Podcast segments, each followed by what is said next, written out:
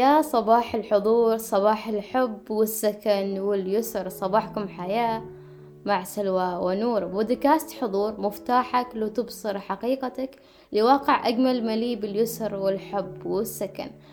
ورحب فيكم مرة ثانية في الحلقة الرابعة من بودكاست حضور وممتنين لكل شخص استمع للحلقات السابقة.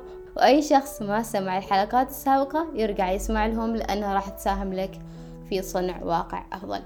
كم مرة نحطينا في موقف وكان لازم نتخذ قرار؟ بس مو كنا عارفين كيف وإيش هي المعايير الخاصة فينا عشان نتخذ القرار. وكم مرة حسينا فيها إنه مو فاهمين نفسنا ولا فاهمين نتيجة أفعالنا وقراراتنا. إيش اللي خلانا نقبل هالشي أو بالمقابل نرفض هذا الشيء؟ أجوبة كل هذه الأسئلة راح نختصرها في كلمة واحدة واللي هي القيم. قيمك الأساسية هي اللي تحدد حياتك وهي اللي تحدد اختياراتك وقراراتك في هذه الحياة وتساعدك على اختيار القرارات الصحيحة اللي بتساهم لك في الحياة. فاليوم راح نتكلم عن صفوفة القيم وعن إيش هي القيم وكيف راح نعمل مفاضلة بين هذه القيم وليش أساسا إحنا محتاجين نعمل مصفوفة قيم. ونحول المايك لنور عشان تخبرنا إيش هي القيم. مثل ما قالت سلوى القيم ومصفوفة القيم من المفاهيم المهمة جدا في حياة كل شخص. وأحيانا بطريقة واعية منا أو طريقة غير واعية منا نحن جالسين نتبنى طول الوقت قيم. سواء عارفين هالشي ولا ما عارفين هالشي. حياتنا أصلا عبارة عن قيم. كلمة قيم من اسمها من, من الكلمة يعني واضح قيمة. مثلا قيمة الصحة قيمة الأهل قيمة العائلة قيمة الجمال قيمة الثراء قيمة الاحترام قيمة الصدق الوضوح. وهناك الملايين من القيم اللانهائية ممكن تخطر على بالنا الحين أو ما تخطر على بالنا. ممكن نستكشفها في الفترات الجاية من حياتنا أحيانا. الشيء اللي نريد نوضحه أحيانا يكون في قيمة وفي مصطلح آخر اسمه جزء من القيمة. إيش هو القيمة وإيش هي الجزء من القيمة؟ مثال الصحة هي قيمة قيمة كاملة متكاملة وفيها أجزاء أخرى متجزئة. مثلا جزء من القيمة اللي هو الصحة النفسية جزء من القيمة الصحة البدنية جزء من هذا القيمة مثلا الأكل الصحي وإلى آخره من الأشياء اللي ممكن تتجزأ تحت القيمة الأساسية بالنفس. مثال آخر قيمة الثراء. الثراء يعني مفهوم واضح وعام وشامل لكن أحيانا تحت نفس القيمة هذه في أجزاء أخرى.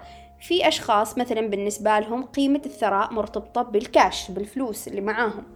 في قيمة جزء من القيمة مرتبط مثلا بالأملاك اللي هم يملكوها سواء آه، شركات عمارات بنايات عقارات ذهب وات إلى آخره من الأشياء. المهم أنه يكون في أملاك يشوف عنده سندات وأملاك والأشياء.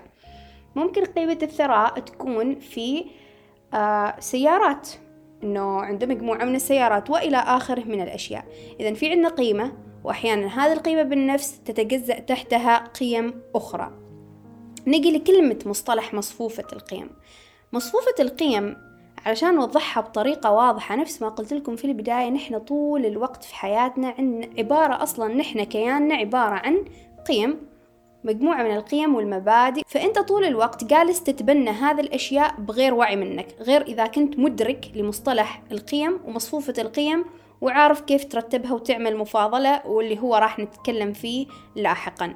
إنزين فأنت طول الوقت جالس تتبنى هذه القيم بدون وعيك وهذا القيم تتحكم في مسار حياتك مجريات حياتك الطريقة اللي انت الحين جالس تعيش فيها آه، واختيارك وقراراتك. وأحيانا هذه القيم انت متأثر فيها بعوامل خارجية أخرى نفس الشيء راح نناقشها لاحقا. السؤال الحين طيب أوكي في قيم في جزء من القيمة وقلت في مصفوفة قيم وقلت إنه هذا آه، يعني يحدد جزء كبير من حياتي واتخاذي لقراراتي. الحين كيف إحنا نربط كل هذه الأشياء؟ القيمة مثل ما وضحنا هي أي شيء مهم بالنسبة لك وأعطينا أمثلة واضحة للقيم. جزء من القيمة إنه هذه القيمة أحيانا تندرج تحتها عدة نقاط فأنت ممكن بعد ما تعرف النقاط اللي تعني لك تقدر تفهم إيش هي القيمة اللي أنت بالنسبة لك تستخرجها بمعنى أدق. مصفوفة القيم واللي راح نشتغل عليها هي عبارة إنك تستخلص إيش هي أهم قيم بالنسبة لك ونختصرها في أهم عشر نقاط أو عشر قيم وتفاضل ما بينها بحيث تحدد الأولويات. الحين إيش الهدف أن نعرف هذا الشيء؟ مثل ما ذكرت سلوى في البداية في الأسئلة الافتتاحية راح تكون هي الإجابة المفتاحية لتغيير مسار حياتك وتغيير مجريات اتخاذك في القرارات وراح تسهل لك حياتك ومبادئك وتعاملك مع الناس. وراح نعطي إجابة مفصلة لهذا الشيء في نهاية الحلقة. طيب ننتقل للنقطة اللي الأساسية علشان تساعدنا لفهم هذه الأجوبة اللي هي كيف نستكشف القيم؟ لأن نحن قلنا أنه أحيانا إحنا طول الوقت جالسين نتبنى قيم بطريقة واعية أو بطريقة غير واعية منا نحن نتبنى قيم. كيف نستكشف هذه القيم؟ كيف نعرف إيش هي القيم المهمة بالنسبة لنا؟ طيب كيف راح نفاضل فيها علشان نعرف المفتاح في حل الأسئلة اللي طرحناها في البداية؟ سلوى آه ممكن أنه تفصلي لهم هذا الشيء بطريقة مفصلة أكثر. في البداية خلونا نحدد أو نعرف كيف راح أعرف قيمي. في ملايين القيم طيب. كيف إحنا راح نعرف قيمها من هذول الملايين؟ طبعا من شخص لشخص مختلف. وراح نذكركم ونرجع نكرر عليكم مليون مرة في هذه الحلقة إنه ما في شي صح وما في شي غلط. أنت أول سؤال تسأله لنفسك إيش الحاجات اللي تسعدني أنا؟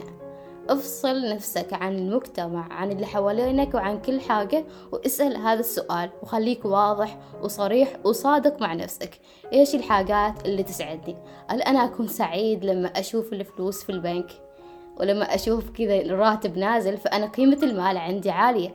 ولا أنا أكون سعيد وممتن لما أنا أهتم بصحتي أهتم بأكلي أهتم بالرياضة؟ فقيمة الصحة هنا معايا عالية. أو أنا أكون سعيد لما أنا أنهض الصباح وأروح الدوام وأشتغل وأنجز. فهنا قيمة العمل بتكون معايا عالية.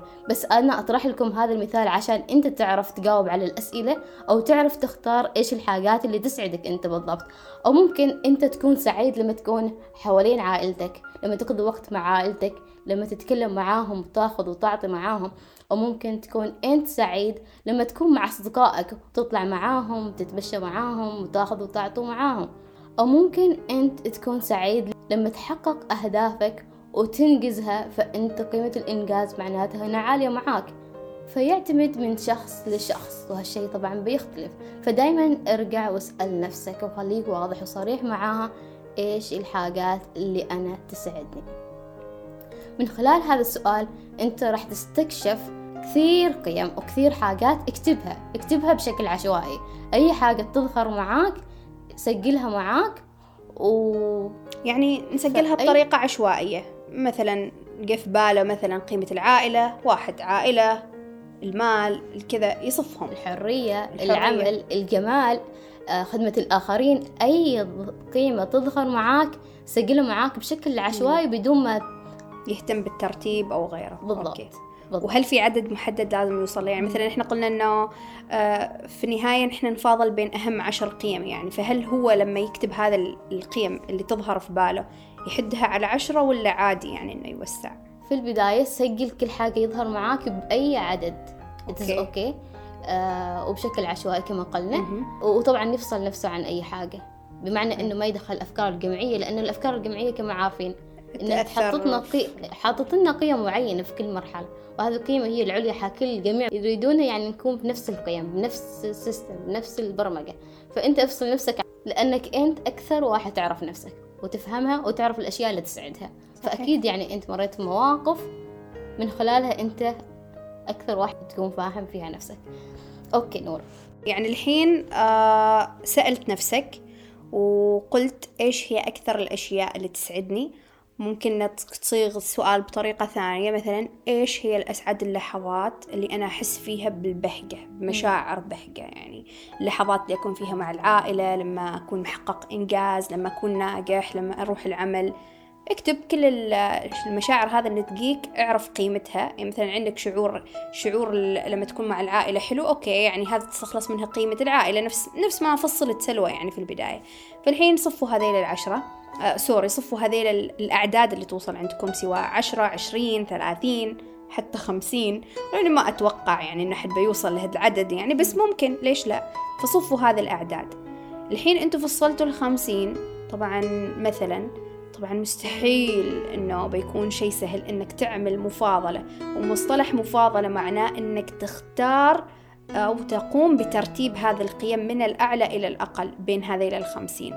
فهنا يجي دور اختيارك أهم قيم. أهم عشر أهم قيم عشر قيم. بطريقة غير مرتبة. يعني ما تخليها مركز أول ثاني ثالث لين المركز العاشر لا. مو محتاجين حاليا نرتبهم نهائيا لأن بنعمل مفاضلة ومن خلال المفاضلة راح نستكشف اللي هي القيمة الأولى والثانية والثالثة وهكذا بالترتيب. أوكي إذا الحين يختار العشر بدون مراكز وبعد ما يختار العشر إيش إيش إيش الطريقة الصحيحة إنه يعمل مفاضلة علشان يبدي يعطيها المراكز؟ أوكي. حاليا اخترنا العشر القيم الأولى من ضمن القيم اللي اخترناهم أو كتبناهم. فالخطوة الثانية راح نعمل مفاضلة بين هذه العشر قيم. طيب كيف راح نعمل المفاضلة؟ الشيء اللي لازم تعمله هو إنك انت تختلق أو آه تتخيل موقف يصير وكأن الموضوع صار أنت في أرض الواقع حاليا وقاعد يصير معاك أو أنت محتار ولازم تتخذ القرار. فأنت عندك قيمتين. فيعطون خلونا أعطيكم مثال عشان يكون الموضوع واضح بالنسبة لنا. فلو مثلا عندنا أو محتارين بين قيمتين اللي هي قيمة قيمة الصداقة وقيمة الاحترام.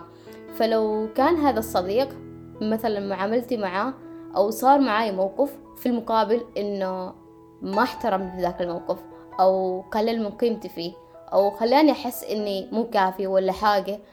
المهم قيمة الاحترام ما كانت موجودة في هذا الموقف. فهل أنا هنا راح أستمر بهذا الصداقة أو أنا راح أختار الصداقة. أم عندي بالنسبة لي بما أنه ما كانت متواجدة معاي هذه القيمة فالموضوع راح يخليني أعيد تفكير.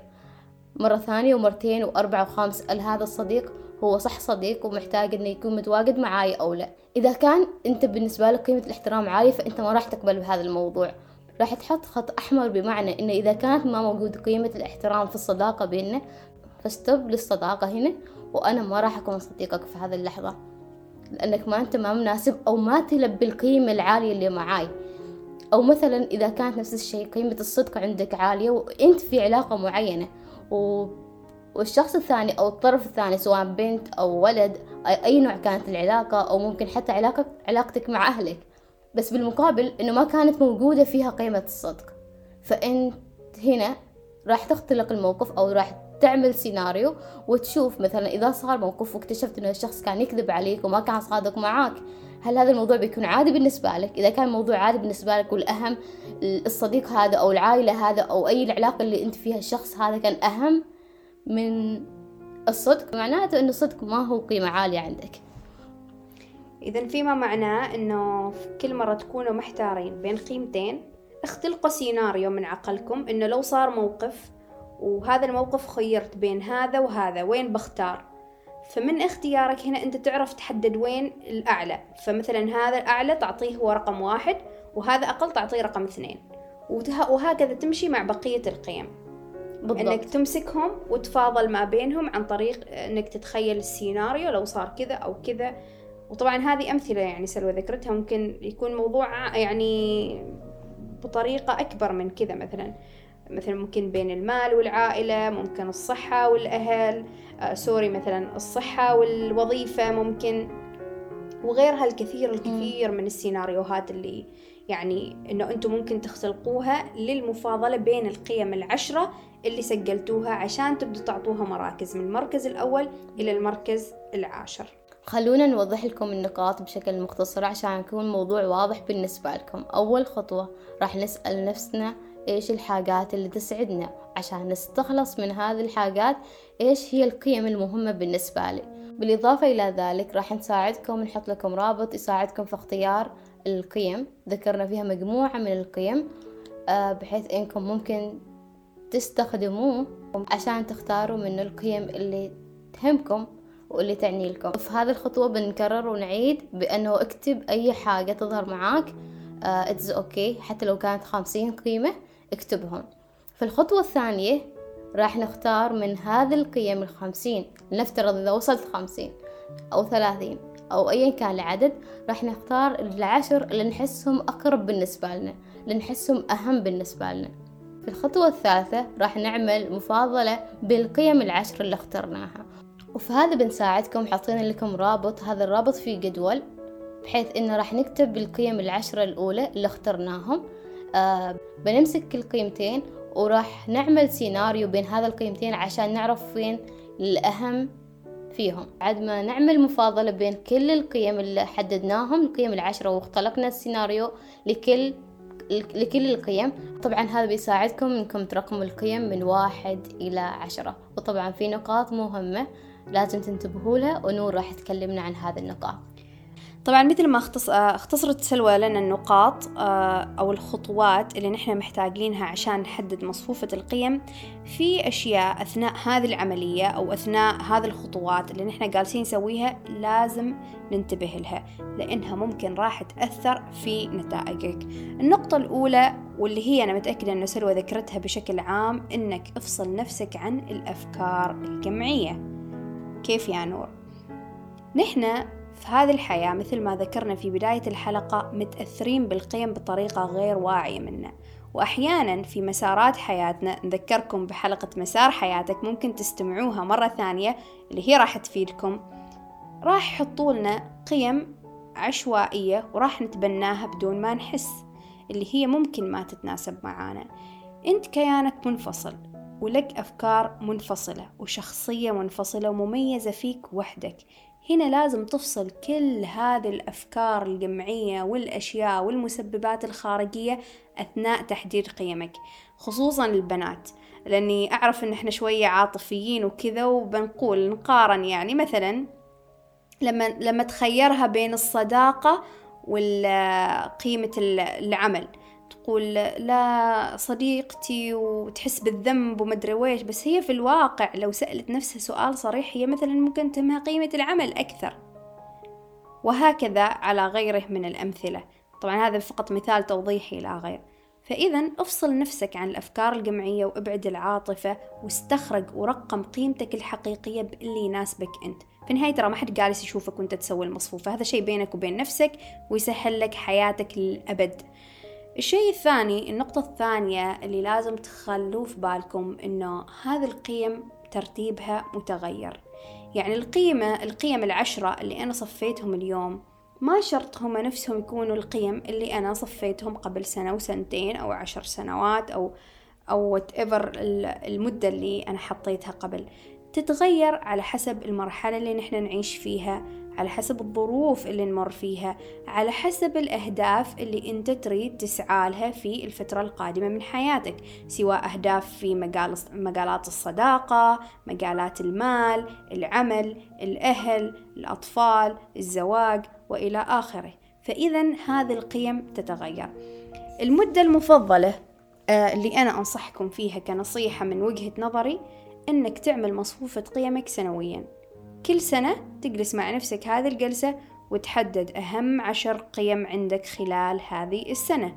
إيش هن أهم عشر قيم بالنسبة لك اللي أنت تريد تتبناها في نظام حياتك وأهدافك خلال هذه السنة؟ ممكن أن الفترة تقل. إذا مثلا صار لك ظرف مفاجئ خلال هذه السنة آه، مقرأ ما متوقع تضطر إنك تغير فيه ترتيب قيمك هنا ممكن ترجع للمصفوفة اللي أنت عملتها وتغير ترتيبها. ما أنصح إنكم تعملوه بطريقة شهرية أو على كل شوية تروحوا تغيروا لأنه هذا ما بيخليك لا مستقر ولا ثابت لا على هدف ولا على قرار في حياتك. عشان كذا الوقت الأفضل إنك تعملها بطريقة سنوية. النقطة الثالثة والمهمة اللي هي إنه أول ثلاث قيم حاول إنها تكون قيم خاصة فيك. بمعنى إنك لا تبدي مثلا قيمة العائلة وقيمة الصداقة وغيرها على نفسك. هذه كلها قيم مهمة جدا جدا جدا وكلنا تهمنا أكيد.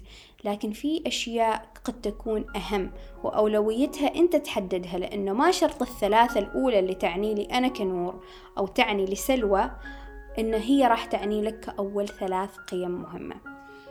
حاول تكون أشياء مرتبطة بنفسك وتعني لك أنت بالذات. أمثلة على هذه القيم احترامك لذاتك حبك لذاتك الوضوح الصدق الأمانة مثلا الصحة. هذه أشياء تعني لك أنت ووجودها مهم بالنسبة لك. وممكن في قيم غيرها أخرى أنا ما ذكرتها الحين بس أنت تعرف أنها تعني لك كشخص ككيان. فاذكرها ورتبها كأول ثلاث نقاط. لأنك إذا فقدت هذيل الثلاث الأولى الأساس اللي هي تبنيك أنت من داخل صدقني راح تتوه في النص. أبسط مثال ذكرت لنا سلوى مثلا لو أنت حاط قيمة الاحترام بالنسبة لك القيمة رقم اثنين. وقيمة الصداقة أو مثلا قيمة العمل رقم خمسة. وبعدين أنت انحطيت في في موقف من, من فترات حياتك في بيئة عمل ما عندهم صفة الاحترام نهائيا. نهائيا تحس نفسك صغير ولا ساوي بيسه. ما أقولكم إنكم استقيلوا من أول مرة لا في حلول.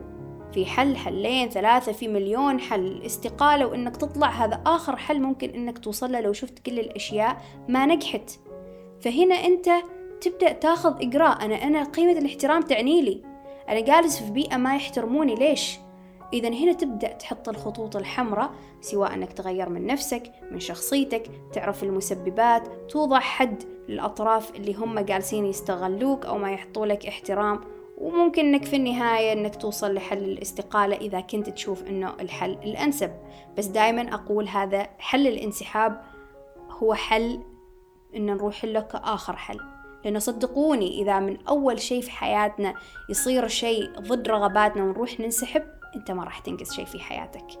لازم تروح للحلول الأولى والحلول الأولى تراها ملايين من الحلول ممكن ما تخطر على بالنا. فبعدين نروح للحل الأخير. وهكذا على غيرها من الأمثلة حط أول ثلاث قيم. قيم تعني لك أنت وتحدد كيانك وماهيتك وبعدين ابدأ رتب السبعة المتبقية على حسب الأشياء الثانية. فهذه النقاط الثلاثة لا تنسوها وتحطوها في عين الاعتبار أثناء تحديدكم لمصفوفة القيم آه، اللي تعني لكم. وأذكركم بالجداول مرة ثانية في الخطوة الأولى في تحديد القيم بشكل عام. لا تنسوا الرابط اللي بنحط لكم إياه في ملايين ما ملايين بس في عدد كبير تقريبا مئة أو يمكن أكثر من القيم. اللي هي راح تساعدكم نفس الشيء إنه تستخلصوا القيم بشكل عام. وبعدين لا تنسوا إنه في الخطوة الثالثة تقريبا اللي هي في فترة المفاضلة حاطين لكم نفس الشيء جدول آه، أداة مساعد في المقارنة بين كل قيمة وقيمة وراح يسهلكم هذه الأشياء. طيب الحين آه، ابتدينا هذه الحلقة بأسئلة اللي هو إنه هذه القيم ومعرفتنا لها. ولما نبدي نوعى إيش هي القيم اللي مهمة لنا وإيش هي القيم القديمة اللي كانت جالسة تتحكم في حياتنا بطريقة غير واعية منا كيف تأثر على مجرى حياتنا؟ وكيف تأثر على اتخاذنا لقراراتنا؟ وكيف أصلا تسهلنا عملية اتخاذ القرار؟ طبعا أجوبة هذه الأسئلة راح نجاوبها كإجابة ختامية وراح تفصلكم إياها سلوى مع الأمثلة. أه كما عرفنا؟ أن القيم راح تساعدنا وراح تكون عامل مهم وضروري في اختيار قراراتنا في الحياة.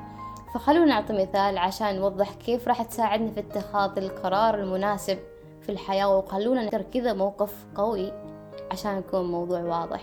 لنفترض أن أنا جاتني فرصة عمل خارج الدولة وكان راتبها جدا عالي خمسة آلاف ريال عماني.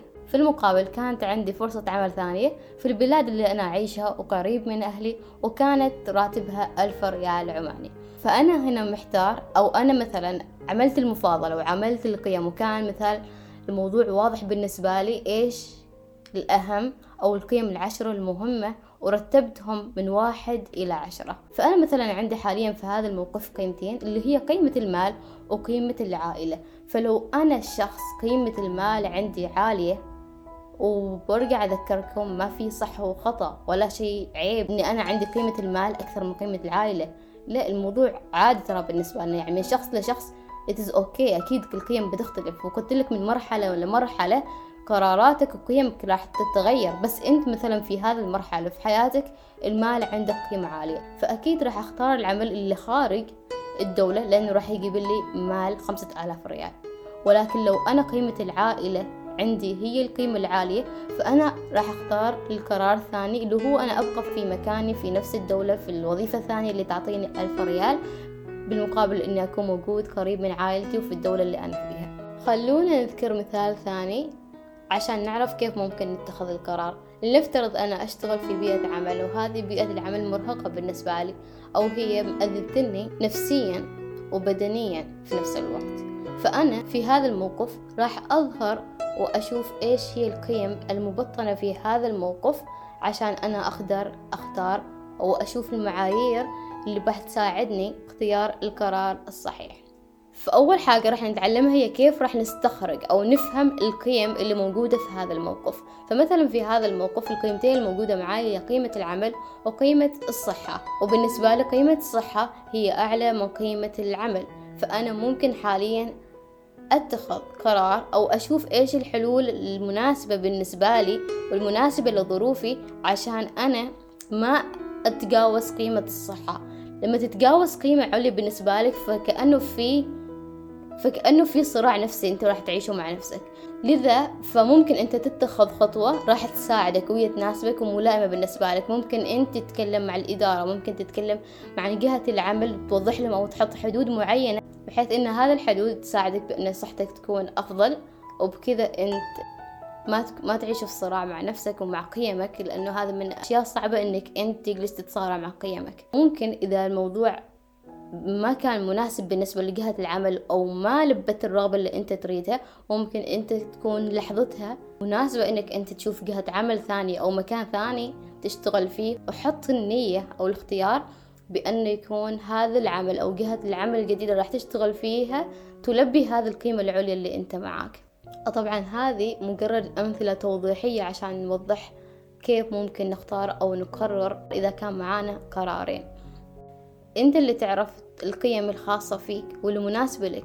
فالحين اسأل نفسك إيش هي الظروف وإيش هي القرارات اللي أنت محتاج أو محتار تتخذها وحاول إنك تستخلص القيم من هذه الظروف ومن هذه الاختيارات ومن هذه القرارات اللي أنت فيها وارجع إلى مصوفة قيمك عشان تساعدك في تحديد الموقف والقرار الصائب بالنسبة لك عشان ما تعيش في صراع مع قيمك لأنه هذا هو السبب في إنه إحنا ما نقدر نختار القرار الصائب اللي نكون واثقين فيه لأن إحنا نكون في صراع مع القيم الخاصة فينا. ف... فبمعرفتك بقيمك بيكون الموضوع أسهل وأوضح بالنسبة لك. شكرا لاستماعكم لبودكاست حضور ولا تنسوا تشاركونا آراءكم في برامج التواصل الاجتماعي على الإنستغرام والتيك توك. وننوي لكم يوم مليان حب وسلام واطمئنان. وكانت معاكم سلوى ونور. ويومكم سعيد.